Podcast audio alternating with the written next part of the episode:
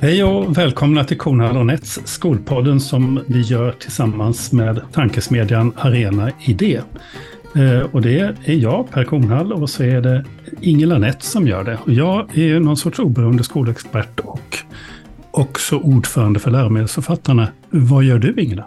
Jag gillar det där att du säger någon sorts oberoende skolexpert. Jag är någon sorts eh, numera managementkonsult och utbildare. Mm. Kan vi väl säga ja. då? Ja. ja. Sen får de som är intresserade höra av sig om de vill veta mer om det här ja, men precis. Kom komplicerade någon, sorts, tillstånden. Precis, någon sorts masterstudent är jag också. Det är icke att förglömma. Jag är lite stressad över det. Jag tänker att Jonas, som, vi ska presentera alldeles strax, kanske kan uh, hjälpa mig med hur jag kan använda ChatGPT för att lösa mina problem. vi är inte säkra på det, va? Nej. Men i alla fall, vi gör den här podden helt ideellt för att vi tycker att skolfrågor är, är så oerhört viktiga och kopplingen till samhället på olika sätt. Och därför att vi, de människor vi pratar med i det här programmet är så oerhört spännande och engagerade och ja, det, det, är bara helt enkelt så roligt att göra det här. Så därför mm. håller vi på med det här och vi tjänar inga pengar på det. Och idag ska vi prata med, med eh, och det är väldigt roligt också, det här är faktiskt vårt åttionde avsnitt som du ja, har spelat in Ingela. Trumpeter och, och fanfarer. Precis, och i det trumpeter och fanfargänget så har vi till det här stimmet här nu av, av trumpeter och fanfarer så har vi haft äran att bjuda in en väldigt speciell gäst tycker jag. Och det är den professor som 2016 skakade om hela skolvärlden med en debattartikel om undervisning och sånt. Som jobbar på nu är du väl på Göteborgs universitet. Välkommen Jonas Linderoth. Ja, tack så jättemycket. Kul att vara här och vara med på ert firande. Jo, jag är mm. tillbaka på Göteborgs universitet efter några år på Högskolan i Skövde. Där jag var eh, professor och så har jag varit gästprofessor lite grann vid sidan av på Försvarshögskolan också. Ja, för, för det är frågan. Vad, vad, vad, gör du? Vad är du professor i och, och, och vad sysslar du med? jag, är faktiskt, jag är faktiskt utsedd professor i två ämnen. Jag har sakkunnigt prövats i två ämnen. Dels är jag professor i pedagogik. Men jag är också professor i ett ämne som heter MEB, står för medier, estetik och berättande. Jag har ju mitt ursprungliga forskningsintresse i eh, världen om spel och spel och lärande och så. Så det är därifrån det kommer. Och jag har publicerat mig mycket i fält, ett fält som kallas för Game Studies parallellt med att jag har publicerat mig inom pedagogik. Det där är ju spännande, för när jag, jag, jag har ju varit i liksom skolans värld ungefär 20 år nu. Uh, och, och, när när liksom internet blev en fluga. Eller när, ja, men när hela den här liksom revolutionen på något vis eh, också eh, kröp in i skolans värld, så var ju ditt namn det som jag upplever att väldigt många refererade till i någon form av så här, ja men det här är bara bra och bara roligt och allt ska bli spel och allt ska bli spännande och liksom. Är du eller var du någonsin liksom bekväm i den i den rollen? Eller har jag en, en felaktig bild liksom av...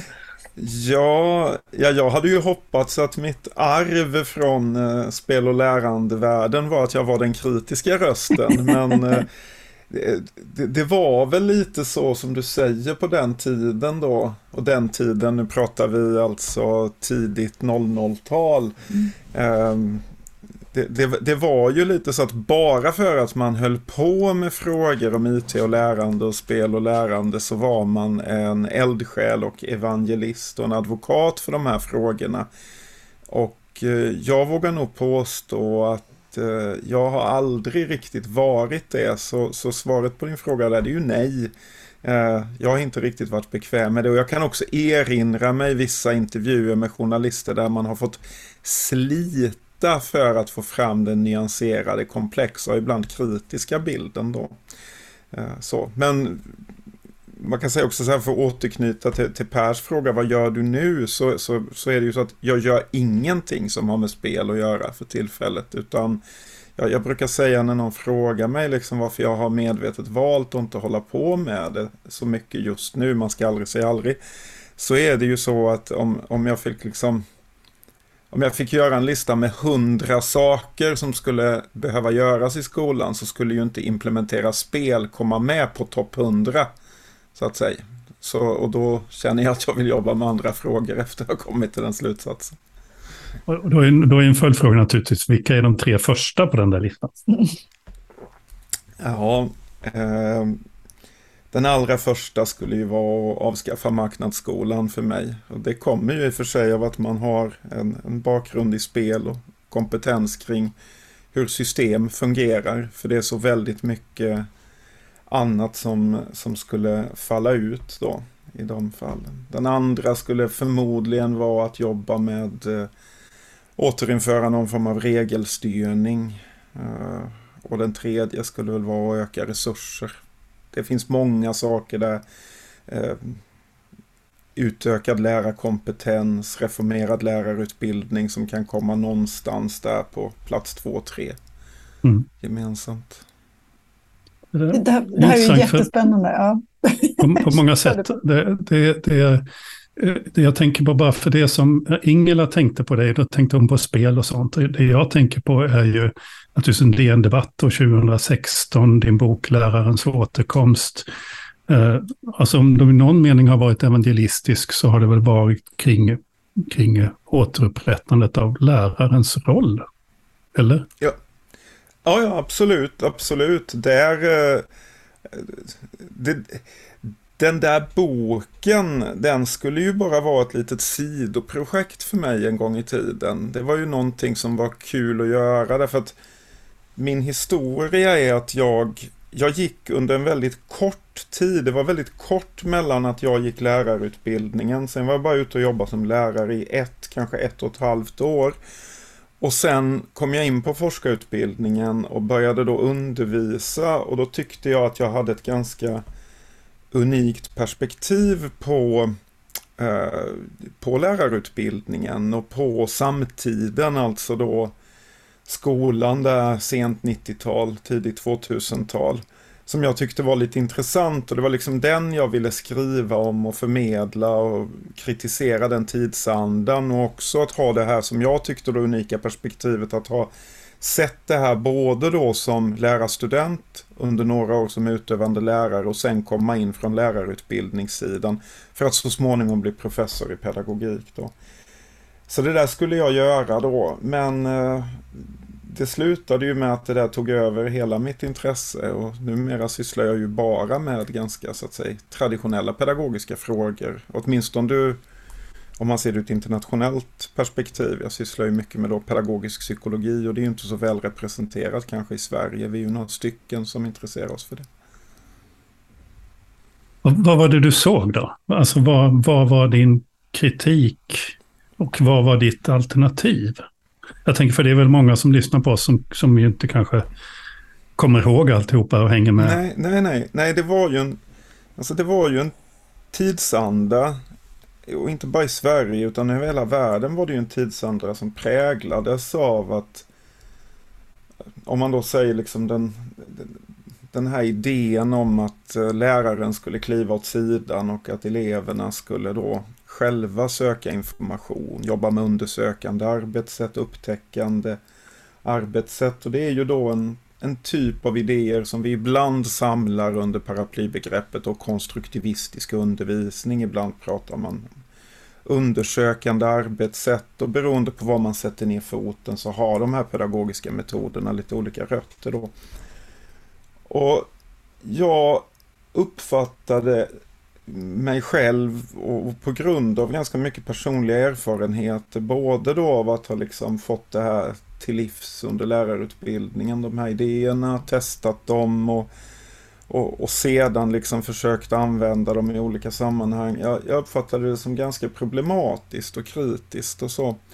Så att det jag ville föra fram i den här, det var ju liksom den ganska enkla idén att kan det vara så att en person som kan något berättar det för någon som inte kan något, att den ganska enkla och tidlösa strukturen inte är så himla dum egentligen då. Eh, så det var liksom själva nyckeln till det. Och jag ska säga också en annan drivkraft som, som jag hade, det var att jag träffade så många lärare som var en eller kanske två generationer över mig. Lärare som jag uppfattade som väldigt skickliga, mina egna lärare och så. Och de var ledsna. De, de, de kände att någonting hade hänt med yrket som gjorde att de inte var bekväma. De kände att det hade hänt så mycket och var så mycket budskap om att vad de hade gjort under hela sin lärargärning var fel. Och nu skulle det de lite löst uttryckte som det nya, då syftandes på de här konstruktivistiska arbetsformerna, nu skulle det in. Och jag kände att det var så tragiskt att det yrkeskunnandet på något sätt förbisågs i den allmänna debatten och tidsandan. Att det var, det var eh, eh, det, det, var som att det var bättre att vara nyutexaminerad och det var ett väldigt konstigt sätt att se på en professionsutbildning tycker jag, där den nya generationen inte ska lära sig av den gamla, utan man ska gå ut och göra något helt annat än vad de gjorde. Jag blev ju till och med varnad under min lärarutbildning för att lyssna för mycket på mina praktikhandledare. Det här är ju jättespännande därför att för sen har ju du fått massa kritik för, för, för din kritik av, av, av det här. Eh, ofta blir ju kritiken då att du vill förbjuda, alltså nu parafras, eller nu liksom bara överdriver jag grovt här, men att, att du liksom ville förbjuda undersökande pedagogik och var, tyckte det var jättedåligt.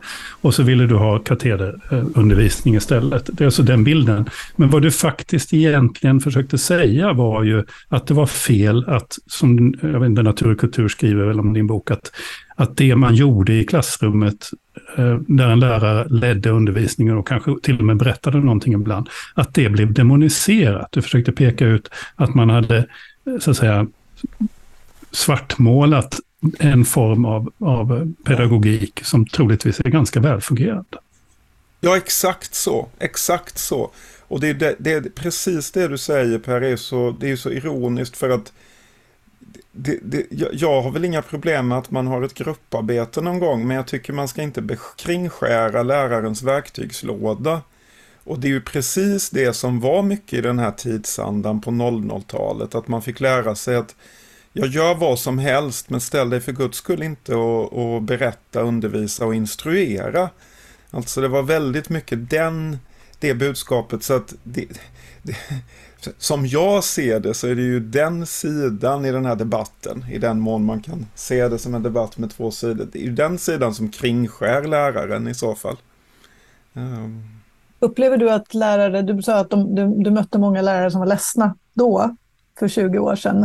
Är, vad är din magkänsla idag? Är, är det färre lärare som är ledsna eller hur, är liksom, alltså jag, hur mår den svenska lärarkåren? Alltså, hur den svenska lärarkåren mår just nu, det, det har jag lite svårt att uttala mig om för att jag, jag lever ju liksom i en hög, högskolevärld. Eh, så. Jag, jag, upplever att det är väldigt diversifierat och beror väldigt mycket på var man är då. Men om jag bara ska säga något om den typen av lite äldre lärare som hade jobbat i många år och som nu är pensionärer så det var ju jätte jättemånga av dem som hörde av sig både efter debattartikeln och efter eh, boken. Och särskilt när boken kom ut på Storytel. Och de har ju varit oerhört tacksamma. Nu är det klart att man, man träffar ju bara dem som, som, som, som, som har något bra att säga liksom. Men eh, jag tror åtminstone i några fall att, att eh, boken och Eh, debattartikeln och det som följde efteråt bidrog lite grann till precis det som var syftet att återupprätta det här. Eh, och jag tycker samhällsklimatet idag och debattklimatet när det gäller att prata om pedagogiska former är ett helt annat än vad det var 2016. Det är något helt annat. Så jag tror och hoppas att många av dem fick lite återupprättelse. Då. Mm. På vilket, på vilket sätt är klimatet annorlunda? Det där är jätteintressant tycker jag, som, som ju liksom kom in i, i skolvärlden ungefär då. Ja, det, som, ja, det, det, det, som var där 2016 var ju att eh, Liberalerna och Jan Björklund hade ju tagit patent på att prata om instruktion och använde då det, det begrepp som jag försöker undvika, då katederundervisning, mm. för att prata om instruktion. Och det gjorde att det var så politiskt stigmatiserat att började du prata om en viss eh, väldigt välfungerande pedagogisk metod som alla människor alltid har använt och som de kommer att använda så var det förknippat med eh, då eh, Liberalernas skolpolitik.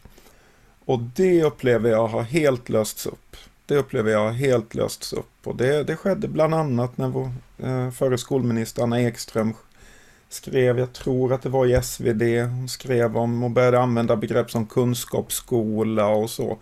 Och det tycker jag är väldigt positivt att man ska liksom kunna prata om pedagogiska metoder utan att bli placerad i ett specifikt politiskt läge då. Mm. För, det, för det som hände då när du skrev då debattartikeln och sånt, det var ju att du fick det, alltså, det var ju kollegor i facket som ju var, alltså det blev ju en otroligt jobbig situation för dig, det har du ju vittnat om. Vi ska inte gräva mm. i det, men, men att det var inte så att, att man bara tyckte att ja, Jonas tycker konstigt, utan man var ju direkt upprörd och arg. Nej, det var för att debattartikeln som jag skrev, det, det, det är ju så man gör, man skriver en en debattbok och sen så vill man få snurr på den och då, då vill man ju liksom att den ska följas av en debattartikel. Uh, och då gjorde jag det. Och den handlar liksom om de här stora strömningarna och tidsandan och debattartikeln. Men i den så är det ju så att jag var ju liksom jag var ju liksom ung doktorand under den här perioden och det var ju inte så att jag själv var immun mot de konstruktivistiska tankeströmningarna.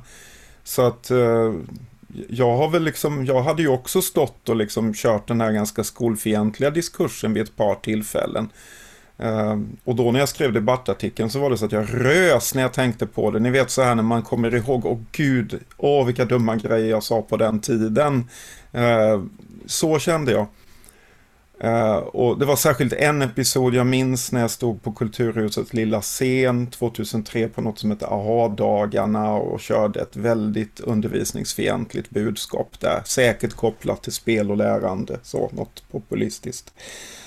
Eh, och det bad jag om ursäkt för i den här artikeln. Det var ju bara det att sen så gick ju rubriksättaren och lyfte upp den där ursäkten som var en liten slutkläm och som jag hade lagt in som ett litet skydd för att ingen skulle säga liksom att, att, ja men för att öka trovärdigheten på något sätt.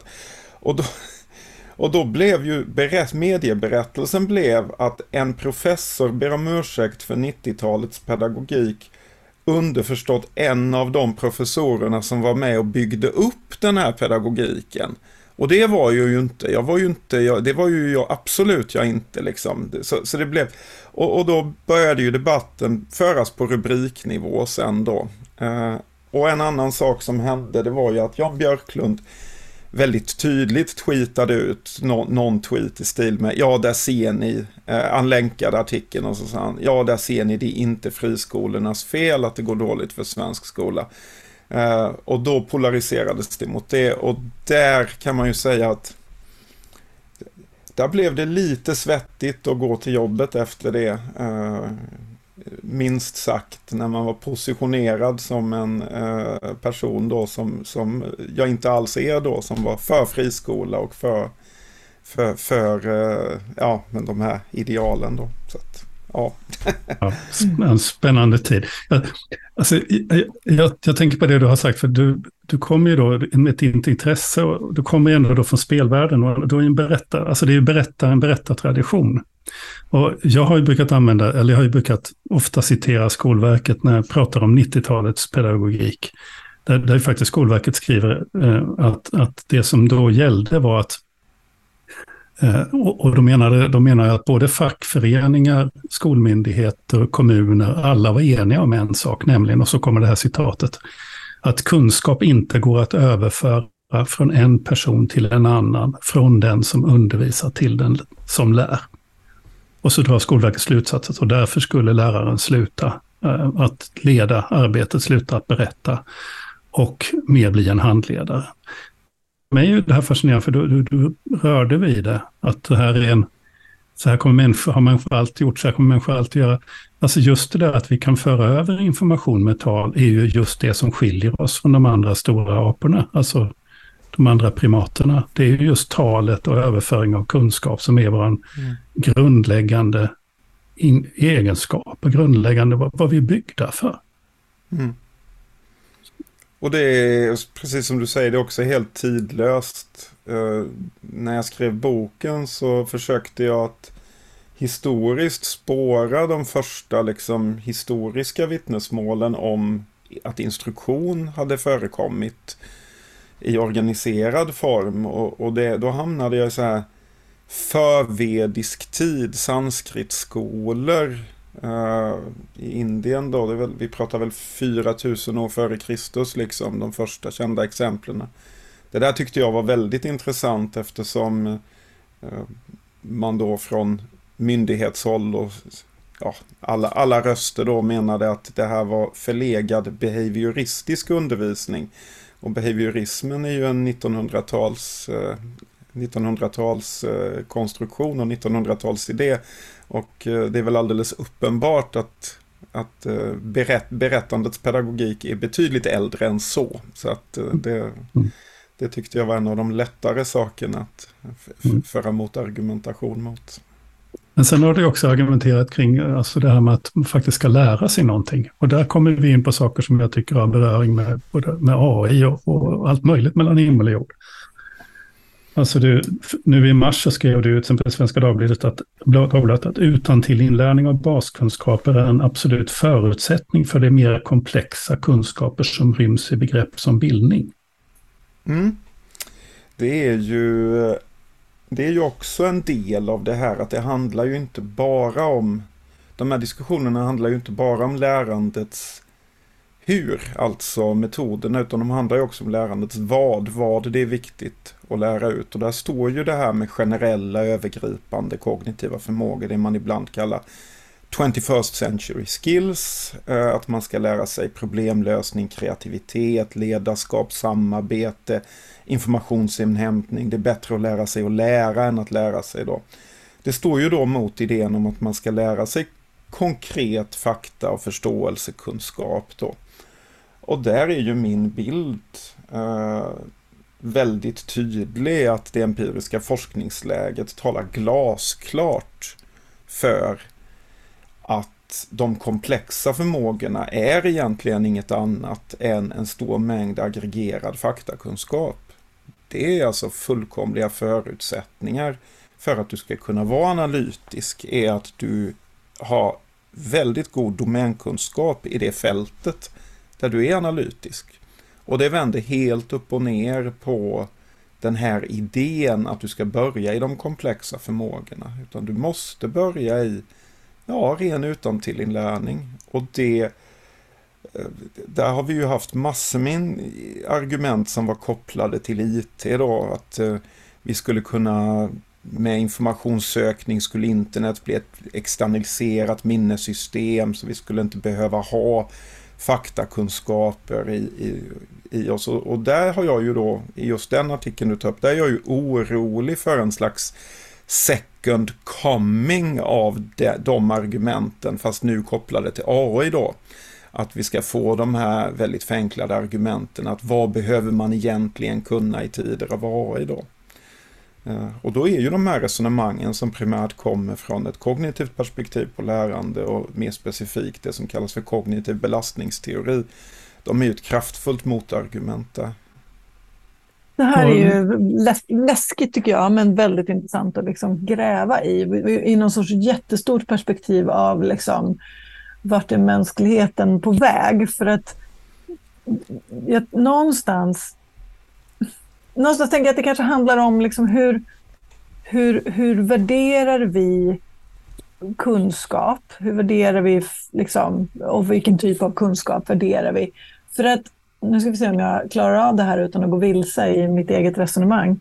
Um, alltså, när, när saker och ting, allt går liksom att, att, lösa med teknik i stort sett och med teknikens hjälp. Vi kan hitta svar på det mesta.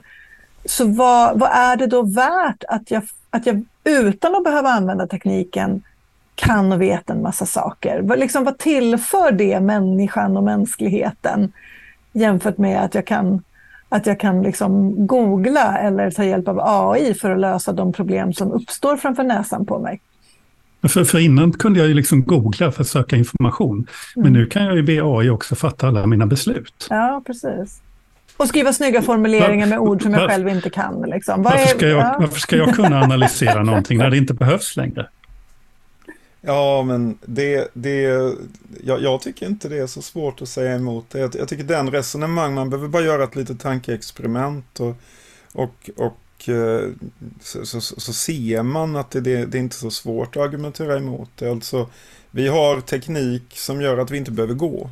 Vi har permobiler och vi har sådana här olika typer av mobility scooters och sådär. Men människor inte har slutat gå för det. Va? Om vi bortser från den här, eller om vi inte tänker på den här filmen, eh, animerade Pixar-filmen Wall-E, när de kommer upp i rymden och då är det en massa människor som har blivit kraftfullt överviktiga av att de bara sitter i någon slags svävarpoddar och åker runt. Så att tekniken har möjliggjort någonting och därför har de slutat med det. Om man för över det på, på vårt intellekt så blir ju svaret att vi, vi kommer ju att bli intellektuellt försoffade då. Vi kommer ju inte längre att, att eh, få, få de kognitiva förmågorna som man måste ha. Och vi kommer inte heller kunna nå de allra högsta formerna av kreativitet, analysförmåga etc. För att vi helt enkelt har outsourcat alla våra kunskaper så att de ligger utanför oss själva då. Eh, så att eh, det, det, det, finns absolut liksom ett resonemang där om att bara för att en maskin kan göra någonting så betyder inte det att vi inte ska göra det. Men ligger det i farans riktning att vi, att vi tappar kontrollen här? Jag, jag tror väl att jag, jag, jag, tror väl att det är svårt att få gehör för en sån extremt AI-optimistisk Eh, diskurs idag när vi har så mycket kunskap om vår kognitiva arkitektur och vikten av att ha faktakunskap lagrad i långtidsminnet. Åtminstone internationellt. Men om det finns ett land i världen där det skulle kunna gå åt skogen så är det ju vårt kära Sverige. Och vad grundar du den analysen på? Ja. ja, men vi har ju, vi har ju, ja men vi har ju allt alltid, så att säga, i skolfrågor betett oss som att vi kan, kan allt och vet bäst och, och inte behöver lyssna på någon annan. Eh, jag menar, ta bara att vi, jag menar, didaktik som eget område existerar ju inte utanför den nordgermanska världen och så. Vi har ju verkligen satsat på att gå vår egen väg då. Uh, och det är, väl det, det är väl det jag menar att det finns kanske en risk att vi får för oss uh, och gå e, vår egen väg i de här frågorna också. Men jag är inte jätteoroad för det därför att uh, som jag varit inne på flera gånger, det här med vikten av att människor har automatiserade kunskaper, kunskaper som är så djupt förankrade i dem att de är liksom närmast förkroppsligade det, det vet vi idag är, är det som gör människor så att säga starka och konkurrenskraftiga i olika eh, yrken och så. Så att, eh, ja, jag har inte, ja, jag, jag, hoppas att det inte blir så i alla fall. vad, vad om detta behöver man tänka på nu då i Utbildningssverige? För i den här artikeln så var det att du skrev att det här, alltså chattrobotar och sånt har en direkt påverkan på universitetslärarnas arbetssätt som man inte kan bara man kan inte bara rycka på axlarna och säga att det är det att de är teknikfientliga eller något sånt, utan det handlar om faktiskt riktigt, alltså saker som man behöver lösa. Men om vi tar normala lärare mm. och AI, vad, är det, vad ser du för vad, vad skulle lärare, behöver lärare tänka på? Vad behöver Skolsverige tänka på med lärarutbildningarna?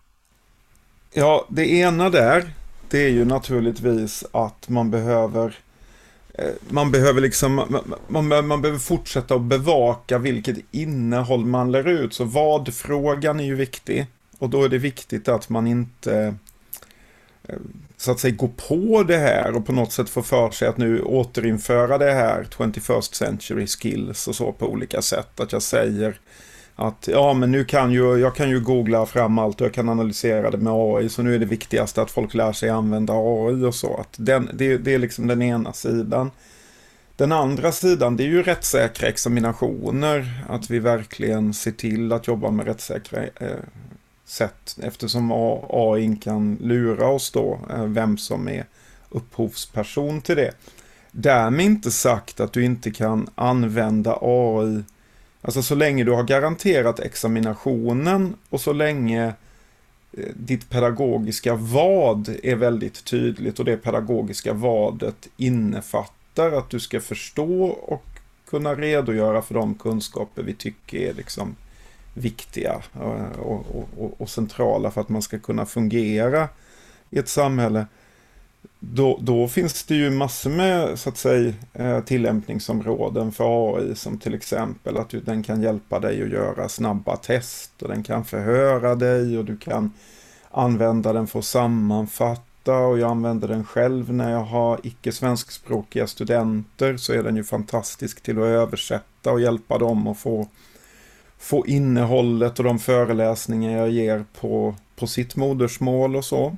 Så att där, där finns så, så, så, så, jag är väl, jag ska inte säga evangelist, men jag är liksom inte ensidigt negativ till AI på något sätt. Alltså, jag, jag tror det finns möjligheter där, men det är den här diskussionen om vad man ska lära sig som jag tycker är problematisk. Jag funderar på det här med, när du pratar om rättssäkra examinationer. Um, vad, vad, ser du istället? Om, om vi inte kan använda eh, liksom, skrivna hemuppgifter som examinationsform för att vara säkra på att de inte är skrivna av någon annan än studenten och att kunskapen inte finns liksom, egentligen. Alltså, vad, vad finns det för andra, ja, det ju... vad finns det för andra sätt? Nej, det är ju... Uh, ja, nu, undervisar jag ju högre utbildning, men jag mm. använder ju antingen övervakade salstentor eller muntliga examinationer i distansutbildning till exempel. Nu i helgen ska jag sitta hela helgen och studenter ploppar in i videokonferensverktyget en och en, en halvtimme och så har jag ett lite klassiskt husförhör med dem om innehållet och så har jag gjort, en, eh, jag har gjort ett litet bedömningsformulär som jag sitter med bredvid och så kommer jag att bocka av eh, och sätta någon slags poäng och sen så får vi föra ett resonemang på slutet och för en del kommer det nog att bli så att ja men du får göra ett nytt försök om en tre veckor här. Eh, och för andra kan jag nog meddela med en gång att de har passerat. Så att det blir lite så klassisk gammaldags, eh, gammaldags förhör. Har ni sett Ernst-Hugo Järegård i Den goda viljan? ja.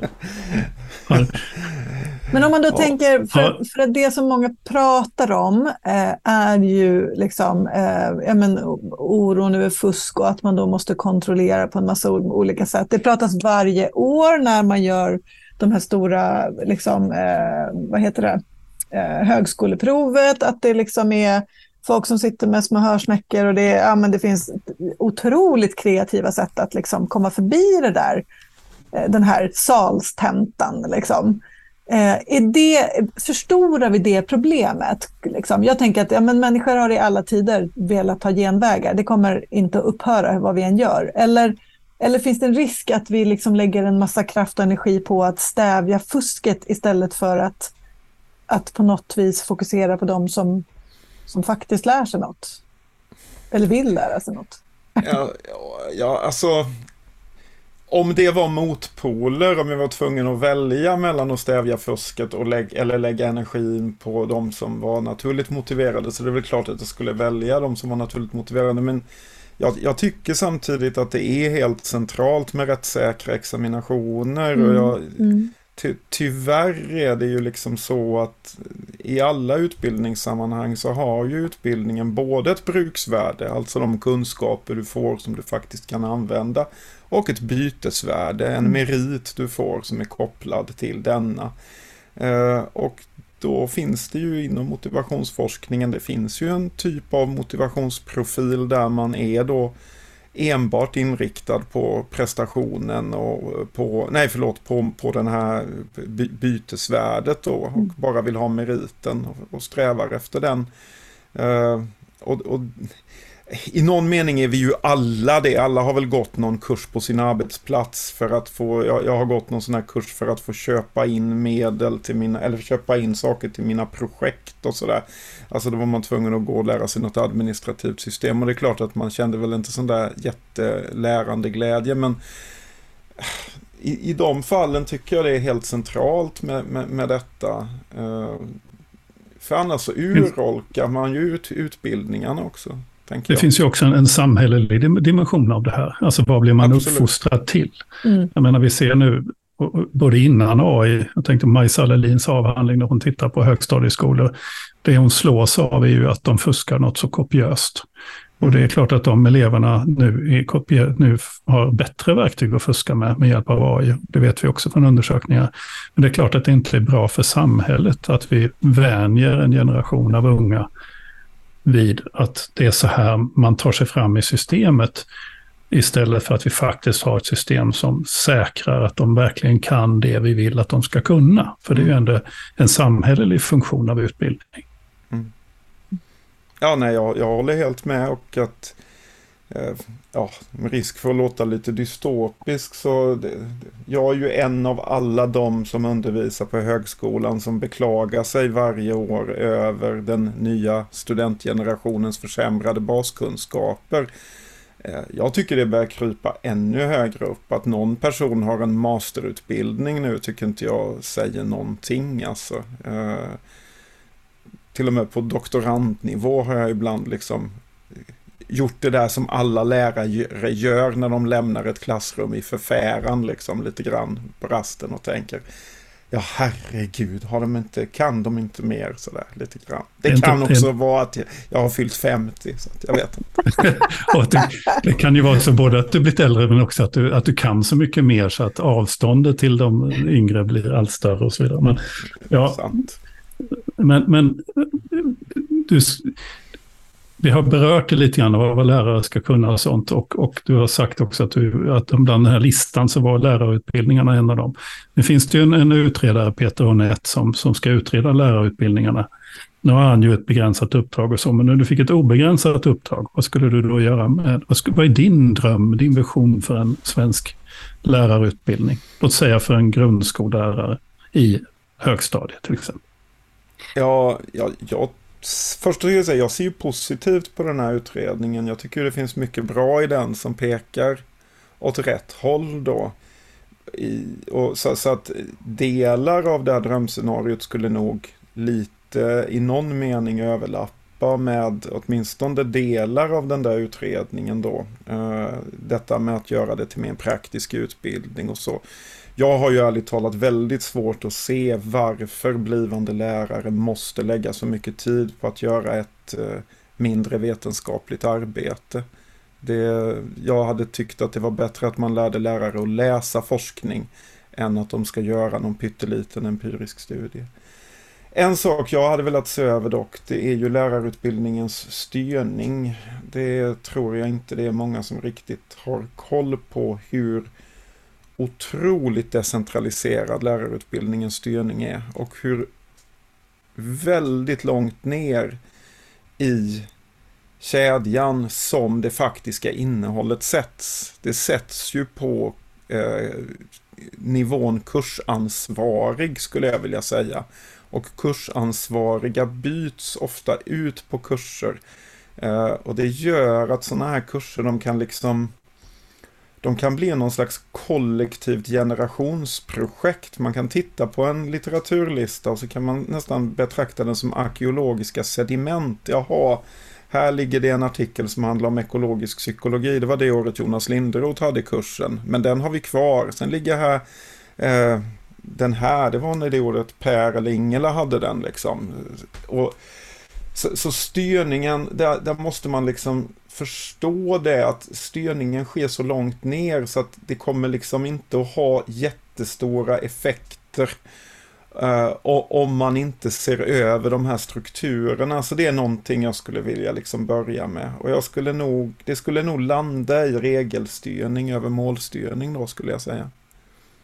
Att man måste ha en regelstyrd eh, lärarutbildning. Det var spännande. Du är ju lite inne på samma tankar som OECD gjorde en analys 2015 och de pekade just på den här splittringen av de svenska lärarutbildningarna och de menar att det skulle så att säga skapas någon form av, av paraplyorganisation, institut, professionsinstitut som skulle utveckla och strukturera utbildningarna. Ja, ja, för idag, det, är ju, det, kan ju, det kan ju trots att det är samma examensmål, kan ju lärarutbildningarna se väldigt olika ut. Mm. Uh, och det hade väl varit önskvärt att man kunde, att studenterna kunde röra sig mellan de olika lärarutbildningarna och ändå få eh, liksom ändå få ut sina poäng och så, att man hade en viss likvärdighet. Och kanske då också, det, det finns ju mycket kritik mot det här då, den här önskemålet att man vill ha in mer kognitionsvetenskap i lärarutbildningen. Nu är det en tradition som jag förvaltar, så det är ju självklart att jag ser positivt på det. Eh, men jag kan nog tycka att det, det, är rätt bra att man försöker och man försöker att peka ut det. Risken är annars så himla stor att de perspektiv, de idéer, de eh, studier som förvaltas på det egna lärosätet och av just de som är inblandade i kursen får alldeles för stor för stort inflytande då och då tappar vi likvärdighet. Det är väl en sak om du är på ett lärosäte där du har människor som har bedrivit massor med spännande forskning som, som är relevant. Men ja, jag tycker inte det är det som ska avgöra en ung persons utbildning, var de råkade hamna. Vi såg ju det väldigt tydligt. Vi gjorde ju en studie, läromedelsförfattarna, när vi pratade med den hatten på huvudet. Så um, tittade vi ju på hur man hanterar, um, hur man undervisar om läromedel på svenska lärarutbildningar på de tio största. Mm. Och det och det företaget som gjorde studien åt oss, deras sammanfattande slutsats var ju att det var personberoende. Det var ad hoc. Det fanns ingen styrning och ingen likhet, utan det berodde på vem som råkade vara, som du sa, kursansvarig. Jag skulle gissa att det ser exakt likadant ut när det gäller bedömning. Vem som, vad den personen har för inställning till bedömning och examination kommer att styra vad studenterna får för bild av det och så. Mm. Så det, det du säger är någon form av, av eh, nationell kurslitteraturkanon, liksom, för att, bland annat? För att, för att, både för likvärdighetens skull och för någon sorts kvalitetsperspektiv, eller? Ja, det hade jag gärna sett och jag hade också gärna sett att man kanske renodlade kurserna till att svara mot de, de pedagogiska kunskapsområdena så som de ser ut. Så att istället för att kurserna heter lek, lärande, omsorg, alltså tre gigantiska fält ska in i samma. Kursen kan rymma allt från hur du organiserar en utflykt med små barn till eh, tunga teorier av Daniel Stern eller alltså så här. Så skulle jag liksom gärna se att de hette saker som utbildningssociologi, pedagogisk psykologi och så. Att vi, vi förvaltar de akademiska ämnena då istället. Mm. Där. Och det, det, ja, fasen, nu glömde jag att säga det som är min hjärtefråga. Ja, ja. Eh, ökad kravnivå. Enormt ökad kravnivå. Alltså en helt annan kravställan på lärarstudenterna.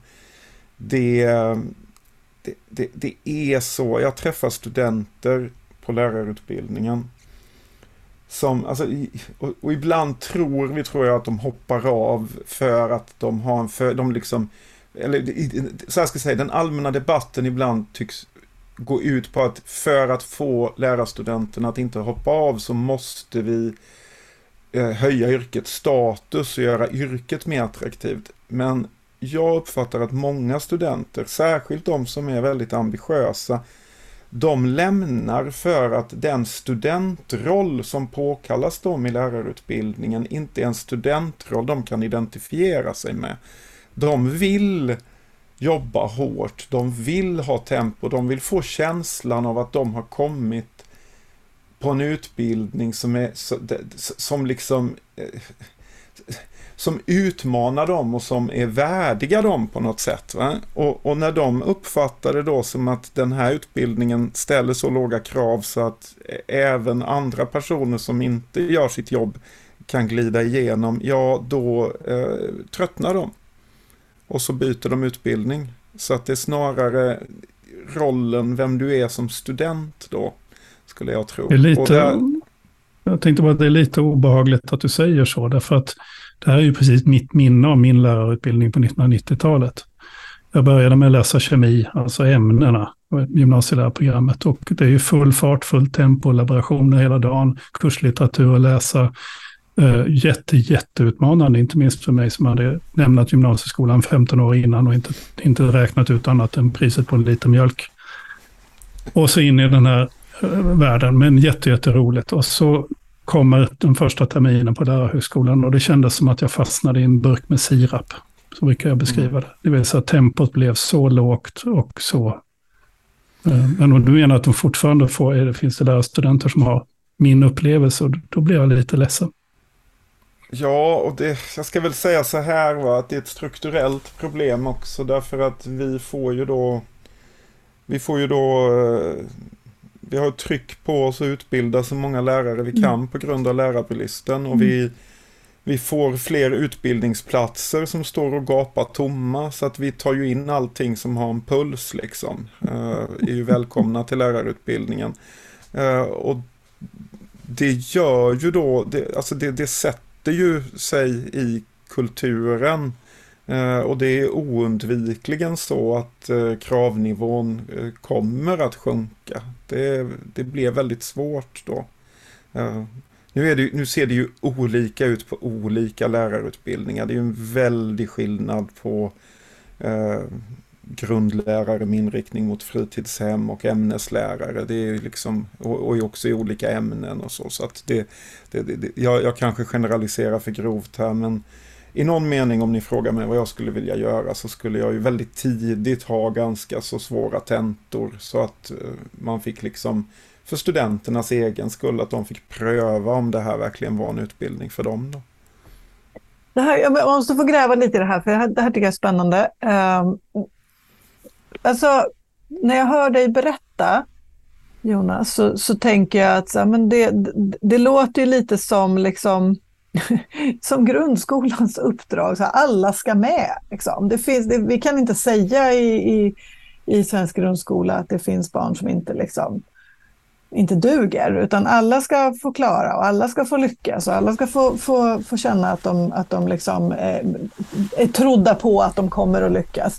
Har det här, det här liksom, sättet att se på Oh, det blir ett jättesnurrigt filosofiskt resonemang här, men, men är det, är det liksom någon sorts sjuka som har smittat in i också lärarutbildningen? Att, ja, men, eftersom det handlar om skolan så måste alla få, alla som vill måste få bli lärare, även om de faktiskt inte alls har förutsättningar.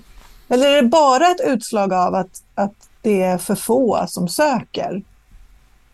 Jag kan ju bara spekulera där och ge mm. min personliga bild och då, alltså ja, med, med, risk för att jag blir striglad igen som jag blev 2016 då, så, så får jag väl säga att ja, ja, det ligger nog något i det du säger. Att det, det är nog lite så att uh, det, det, finns en sån det, det, det, finns liksom, jag uppfattar att det finns kanske sådana idéer som ibland präglar vissa delar av, av eh, både lärarutbildning och förskollärarutbildning. Och Eh, det brukar sitta i då, liksom tills lärarutbildaren får frågan, ja men den här personen som du nu har gett chansen att lämna in fyra gånger och som eh, knappt kan eh, stava och som du ändå tycker liksom ska föra komplicerade resonemang eh, om de här teoretiska perspektiven i relation till praktiken. Låt säga att personen precis klarar målen. Skulle du vilja att den personen var lärare till dina egna barn? Och då brukar man se hur det tänds någon liten liksom, eftertanke där då. Och där, det, för det är ju det som står på spel mm. någonstans. Mm. Uh, jag menar, jag önskar väl att alla som gick in på lärarutbildningen tog sig igenom den och blev utmärkta lärare. Eh, men ja, vi var inne innan och pratade på rättssäkra examinationer och fusk och brister. Jag menar, det, det är ju ingen bra om, om en person som inte har de baskunskaperna själv kommer ut och sen ska undervisa den kommande generationen. Det skulle jag vilja säga, det är ju egentligen en fullständig katastrof. Mm. Det, det, vill vi ju inte. Så att där, där är ju vi som lärarutbildare, där är ju vi en del i ett samhällsbygge och har ett ansvar av att ha höga kvalitetskrav på våra studenter. En förklaring är ju naturligtvis också att man får pengar för genomströmningen av studenter. Ja. Mm. Såklart. Men jag tänkte också bara innan vi avslutar det här, liksom, det deppiga om, lär, om lärarutbildningar, så var det också jag träffade några, några på en, en mindre högskola, en lärarutbildning med en mindre högskola. Som, som är lite, de såg lite småledsna ut för de, de menar att deras, de hade ju mest av sin undervisning digitalt eftersom deras lärare ändå bodde i en annan större stad längre bort och inte så gärna ville komma till lärar, den där lärarutbildningen de gick. Alltså kvaliteten, den här inre kvaliteten, kan man lära sig bli lärare liksom genom väldigt få timmar och de få timmarna är i en burk. Ja, alltså det är, det är ju någonting vi har sett efter pandemin då att eh, efterfrågan på distansutbildning tycks ha ökat. Och eh, för att vår, liksom, ek ekonomin på, på institutioner och fakulteter ska gå ihop så svarar man mot det då. Eh, så att eh, så, så det skapas ju, ja, jag vet faktiskt inte Per, det, det, det är svårt att säga. Alltså, det, det, är liksom både frågan om det digitala och frågan om mängden lärarledd undervisningstid. Det som jag tycker är positivt, och det kan ju låta absurt i det här, men jag tycker ju att jag tycker ju att AI-explosionen och de frågor som AI väcker tycker jag ju har lett till något positivt, för de tvingar ju fram en typ av rättssäkra examinationer där vi testar vad folk faktiskt har i långtidsminnet. Och då blir vi av med de här, som jag tycker, fruktansvärda hemtentorna. För det är ju så att i en del kurser så har det ju tidigare sett ut så att merparten av undervisningstiden har ju gått till att rätta de här hemtentorna. Så att du har ju haft kurser, en, en kollega till mig och sa, ja jag har jag har en kursbudget nu och 25% av den går till undervisning och 75% går till bedömning av examinationerna. Mm. För det är så tidskrävande jämfört med en salstenta. Eh, där tror jag, och det tror jag beror på att vi undervisar just utbildningsvetenskap. För vi har fått för oss att oavsett hur mycket resurser vi har så ska eh, de kurser vi ger se ut som små forskarutbildningar i miniatyr vi ska jobba med det här att de ska lämna in ett papper och få individuell feedback. Och det är ju en fantastisk pedagogik när du har resurser till att faktiskt på djupet bedöma det här pappret. Men har du inte det, har du 20 minuter på dig att ögna igenom de här sidorna och sen då, är, då, då, då ska man ju inte göra det, då ska man ju jobba med andra pedagogiska former. Så jag hoppas att AI leder oss till ett större fokus på faktakunskaper lagrade i långtidsminnet, vilket i sin tur kommer att framtvinga mer lärarledd undervisning, tydligare fokus på faktakunskaper, gedigna ämneskunskaper, och då menar jag gedigna ämneskunskaper i, så att säga, hur den kognitiva arkitekturen ser ut, hur, vad evidensen säger om hur man undervisar och sådana saker. Alltså det vi i Sverige samlar under de didaktiska frågorna. Då. Mm. Alltså, det här var faktiskt mitt svar en gång till en gäng rektorer som frågade så där, vad, vad är det med AI, hur, hur kommer det bli? Och jag sa att det kanske innebär att vi är tvungna att träffas och prata med varandra. Eh, ja, precis. Så, och att det faktiskt kan ha, finnas ett positivt värde i det. Mm. Du, en, en sak som jag skulle vilja fråga, eller jag skulle vilja att du får möjlighet att göra lite reklam för det. För att jag vet ju att du ofta åker på Research Ed. Ja. Och, och, tycker att det är väldigt bra initiativ. Och det här är ju någonting som jag tycker är som en positiv företeelse. Kan du beskriva lite för våra lyssnare vad fungerar?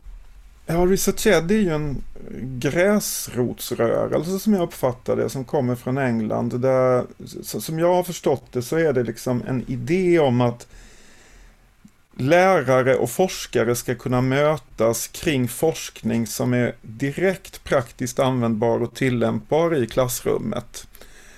Och det här har blivit ytterst populärt då eh, och organisationen har konferenser över hela världen. Och de här konferenserna har också ett väldigt tilltalande format. De har som policy att de ska ligga på helger så att lärare har möjlighet att gå. Och det är ingen som får några stora arvoden utan forskarna som är med får göra det liksom på sina egna forskningsbudgetar och komma dit för att de tycker att det är viktigt och så. Trots detta så, så är det ju stora och välbesökta konferenser eh, där, där det jag uppfattar som är liksom själva kärnan i det, det är att det ska liksom vara an, användbart. Och i Sverige har det ju varit då, i Haninge brukar de ju vara, men det vet jag, jag vet inte, det kanske kommer att vara på andra platser också. Och jag tycker det är en väldigt spännande fenomen och särskilt som pedagogikprofessor eh, som då är lite kritisk till svensk utbildningsvetenskap så tycker jag ju lite grann att det är ett viktigt wake-up call. Här kommer alltså lärare underifrån och säger nej, vi vill inte ha det här som erbjuds på lärosätena, vi vill ha något annat. Och det är för mig ResearchEd. ResearchEd är för mig det är det alternativet som mina kollegor borde kika på och svettas lite av alltså. Det här är, det här är något lärare vill ha och eh, man känner inte igen den forskningen som presenteras där från den forskningen man, man stöter på på Svera, Swedish Educational Research Association eller eh, en, vad de nu heter, alla de här nordisk pedagogikforskning och så. Det är något helt annat kan jag säga, det som lärare upplever att de har nytta av då. Eh, så det, det tycker jag, jag tycker det, det är roligt med någon slags visst liten streak av eh, skadeglädje till utbildningsvetenskapen i Sverige. har, du en, har du ett drag av att liksom vilja utsätta dig för de här, det här att, att, att liksom eh, köra huvudet i väggen för att flytta väggen lite grann, eller? Jag skulle snarare säga så här, ja, jag har väl någon gång blivit kallad för att jag är gossen Ruda i pedagogik-Sverige. Det, är väl i så fall ett epitet jag får bära med stolthet. Men det är ändå så här att jag tycker så här att när man får kritik för någonting. Det är alltid jobbigt att få kritik. Men en god tumregel som jag tycker man ska iaktta, särskilt när man är forskare, det är ju att Ja, det här var jobbigt att höra, men låt mig lyssna liten stund på den och självkritiskt fråga mig om det ligger någonting i den. Och det upplever jag inte att ut, är utbildningsvetarnas paradgren faktiskt. Utan då har det ju alltid varit att nej, det här är bara en politisk kritik och den, det finns inget sakinnehåll i den och så. Eh, så. Så i den meningen är det så. Och sen, ja, sen har jag ju liksom en historia av att ha bråkat, alltså långt tillbaka, långt före den här debattartikeln, men det är ju föremål för en annan podd, så var jag ju med och avslöjade en jätteskandal i i det svenska pedagogikämnet där vi hade en tidskrift som var helt falsk som utgav sig för att vara peer-reviewed men inte var det och så va. Eh, så att, ja, ja nej, men så det är nog så. Jag vet inte om jag vill flytta väggen men jag vill i alla fall peka på den, att den står där och att det är något problem att den står där. På ren svenska, det är väl för i helvete akademins uppgift att vara självkritisk. Ja, ja jo, jo. ja. Men, men det är en annan sak att det inte fungerar så i verkligheten. Mm. mm. Mm.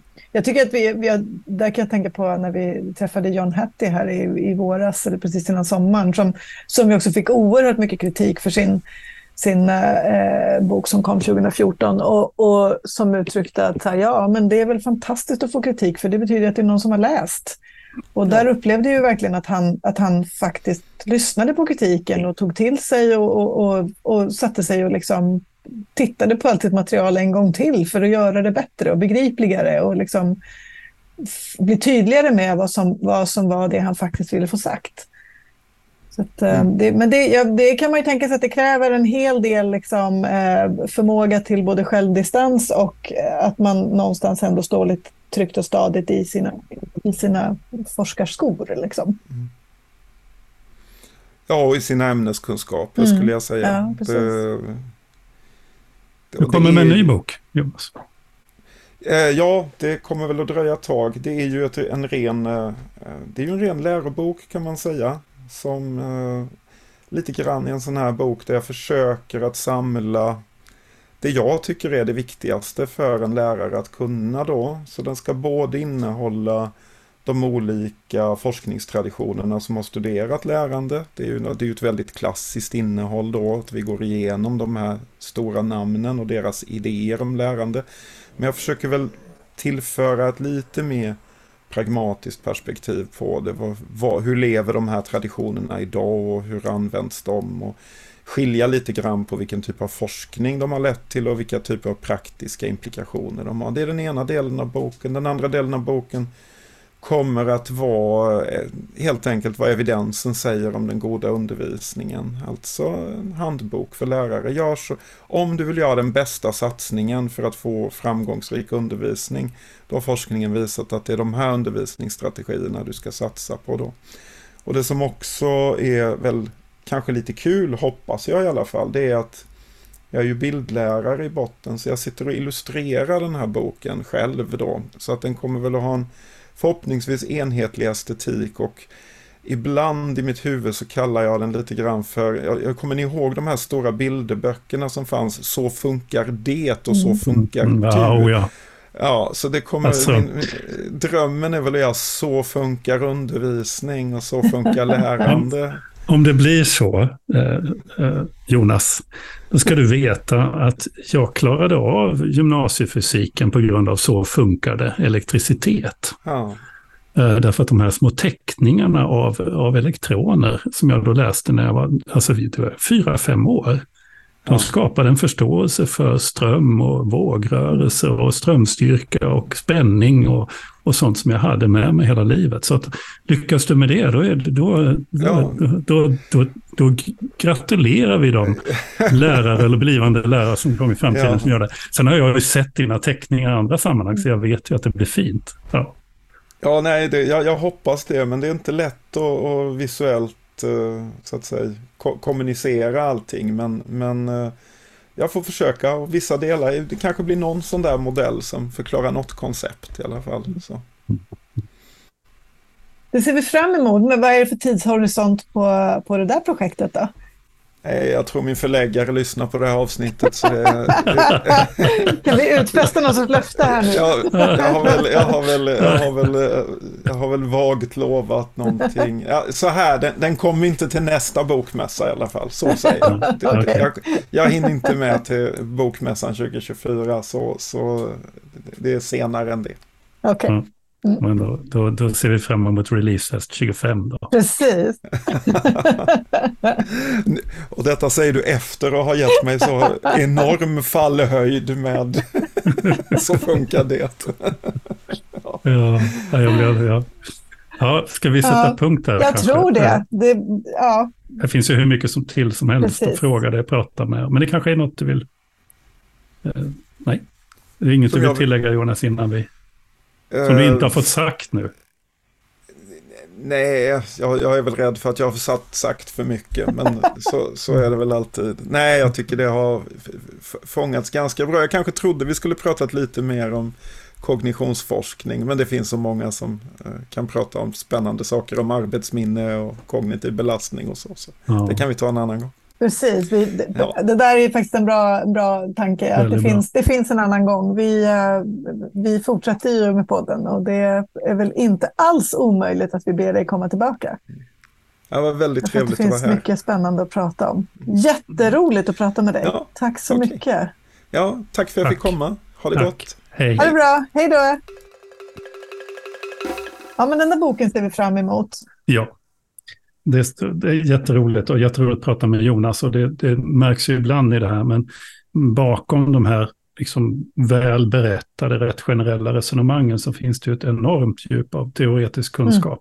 Mm. Mm. Man kan ju verkligen de här mm. pedagogiken och sånt. Ja, verkligen. Det, så det, det, jag ser verkligen fram emot boken. Ja. Och inte bara för att han ska, den ska vara som så funkar det. För det, ja, det. Jag, blir aldrig, jag blir aldrig varm i hjärtat. Ja, men jag, jag tror att vi är många generationer som har, jag menar jag läste också liknande böcker för mina barn som lärde sig, de lärde sig mycket liksom med ja, de här. Ja. det är, och där har, faktiskt är det ju så att att Matilda Westerman som har varit med här eh, i podden eh, tillsammans med eh, olika personer för olika, hon har ju skrivit Så funkar demokrati, Så funkar ekonomi och, och så vidare nu och, och, gett ut lite så här uppdaterade versioner av på samma koncept liksom, mm. för, mm. för barn som är mm. jättefina böcker.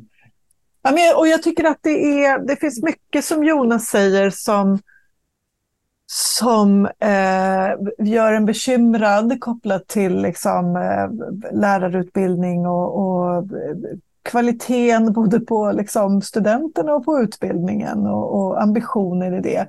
Men, men någonstans så blev jag också, blev, jag fick någon sån där känsla av att men AI kanske är liksom, det kanske faktiskt är svaret på en del av de här bekymren vi har med att, hur vi, att vi inte värderar kunskap och bildning så högt på något vis. Eh, därför att vi kanske kommer att börja göra skillnad på så här, ja ah, men du kan ju bara det här för att du har lärt dig att trycka på knappar eller du kan det här för att du faktiskt kan det här. Att, vi, att det liksom blir en, en kvalitetsmätare på något vis som, som ja. inte, vänder på... Jag är bara, bara orolig för att det kan bli, det kan bli en klassfråga. Alltså det ja, kan bli exakt. att vi får någon sorts elit som, som, ja. som gör, sitter och funderar och som lär sig det här och som mm. går på skolor där man får lära sig tänka. Mm. Eh, Medan andra människor bryr sig inte för där kan vi göra billiga undervisningsalternativ och så. Mm. Sen finns det en väldigt rolig filosofisk fråga som jag tänkte att nej, jag, tänker inte fråga den för det, det, det blir ju så jättekonstigt. Men, men som man egentligen hade velat fråga Jonas om, och det är vad händer när AI börjar, så att säga, när svaren AI söker är genererade av AI? För det, den kommer ju inte vara så långt borta. Nej, exakt. Alltså när, när det blir en spegelkammare, mm. vad, vad Andra, händer tredje, då fjärde generationens Ja, när internet är fullt med AI-produkter ja, och allt det som AI ja. tränas på är ja. AI-produkter. Alltså. Där det blir någon sorts rundgång här. Mm. Och det finns ett väldigt, väldigt roligt eh, rolig idé i det här, om vi ska göra reklam för en annan podd, mm. eh, Utkants-Sverige, som är mm. fantastiskt rolig. Eh, eh, som ju menade att, och, och det finns någon sorts filosofisk poäng i det, de pratar inte om artificiell intelligens utan om artificiell medelmåttighet. och, och, i någon mening blir det ju så att eftersom det här är ju statistiska modeller, i någon mening så blir det ju så att de här AI-modellerna kommer ju att föreslå det mest statistiskt sannolika. Ja, och det är ju en väldigt medelmåttig intelligens ja, som ja. är den mest statistiskt sannolika. Mm. Och jag tänkte på det när jag satt och vi förberedde det här poddavsnittet, mm. så att vi skrev i vårt fina Word, mm. eller det här mm. Google-dokumentet som vi har. Precis. Nu börjar ju den, nu är det uppenbarligen så att, att Google använder en AI som föreslår hur det ska stå i meningarna. Mm. Och den föreslår ju normal meningsbyggnad i normalt tal, men inte alls det, det vi har försökt uttrycka. Nej, just det. Nej, precis.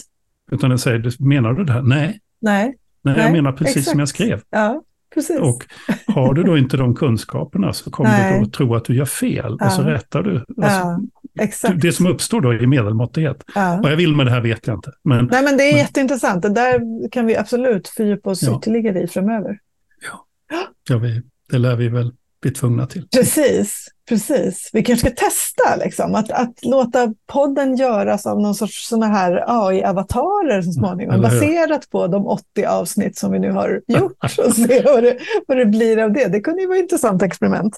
Och då kommer vi till de här intressanta frågeställningarna. Vem har rätt att mata in vad? Vi kan ja, naturligtvis mata exakt, in våra program, men exakt. vad tränas AI på? Ja, vad händer med, med ja, upphovsrättsskydd? Precis. Många frågor. Många frågor. Är vi nöjda för idag? Ja, jag är väldigt glad över att ha pratat med Jonas igen. Det var jätteintressant, verkligen. Du har precis hört ett avsnitt av Kornhall och Nets, skolpodden som jag, Ingela Nets och Per Kornhall gör i samarbete med tankesmedjan Arena Idé. Eh, vi vill påminna om att om du har någon fråga som rör skola, lärande, utbildning, bildning, skolpolitik och så vidare, så eh, skicka den till oss. Du hittar våra kontaktuppgifter där du hittar podden. Eh, så, så tänker vi att när vi har fått några intressanta frågor så gör vi ett avsnitt med dem istället för att bjuda in en gäst och så försöker vi att, att svara på de här frågorna helt enkelt. Så att, eh, tveka inte. Vi, vi ger oss på allt. Vi lovar inte att vi kan allt, men vi, vi ger oss på det mesta. Lyckligtvis så, är det ju inte vi som, som är, kloka i de här programmen, utan det är våra gäster som är det. Exakt. Ett och annat kanske vi har lärt oss efter 80 avsnitt, men det finns mycket, mycket kvar att lära. Så det kommer snart ett nytt avsnitt, för det här är så himla roligt. Så vi fortsätter. Det gör vi. Hej då. Ja, tack för idag. Hej då.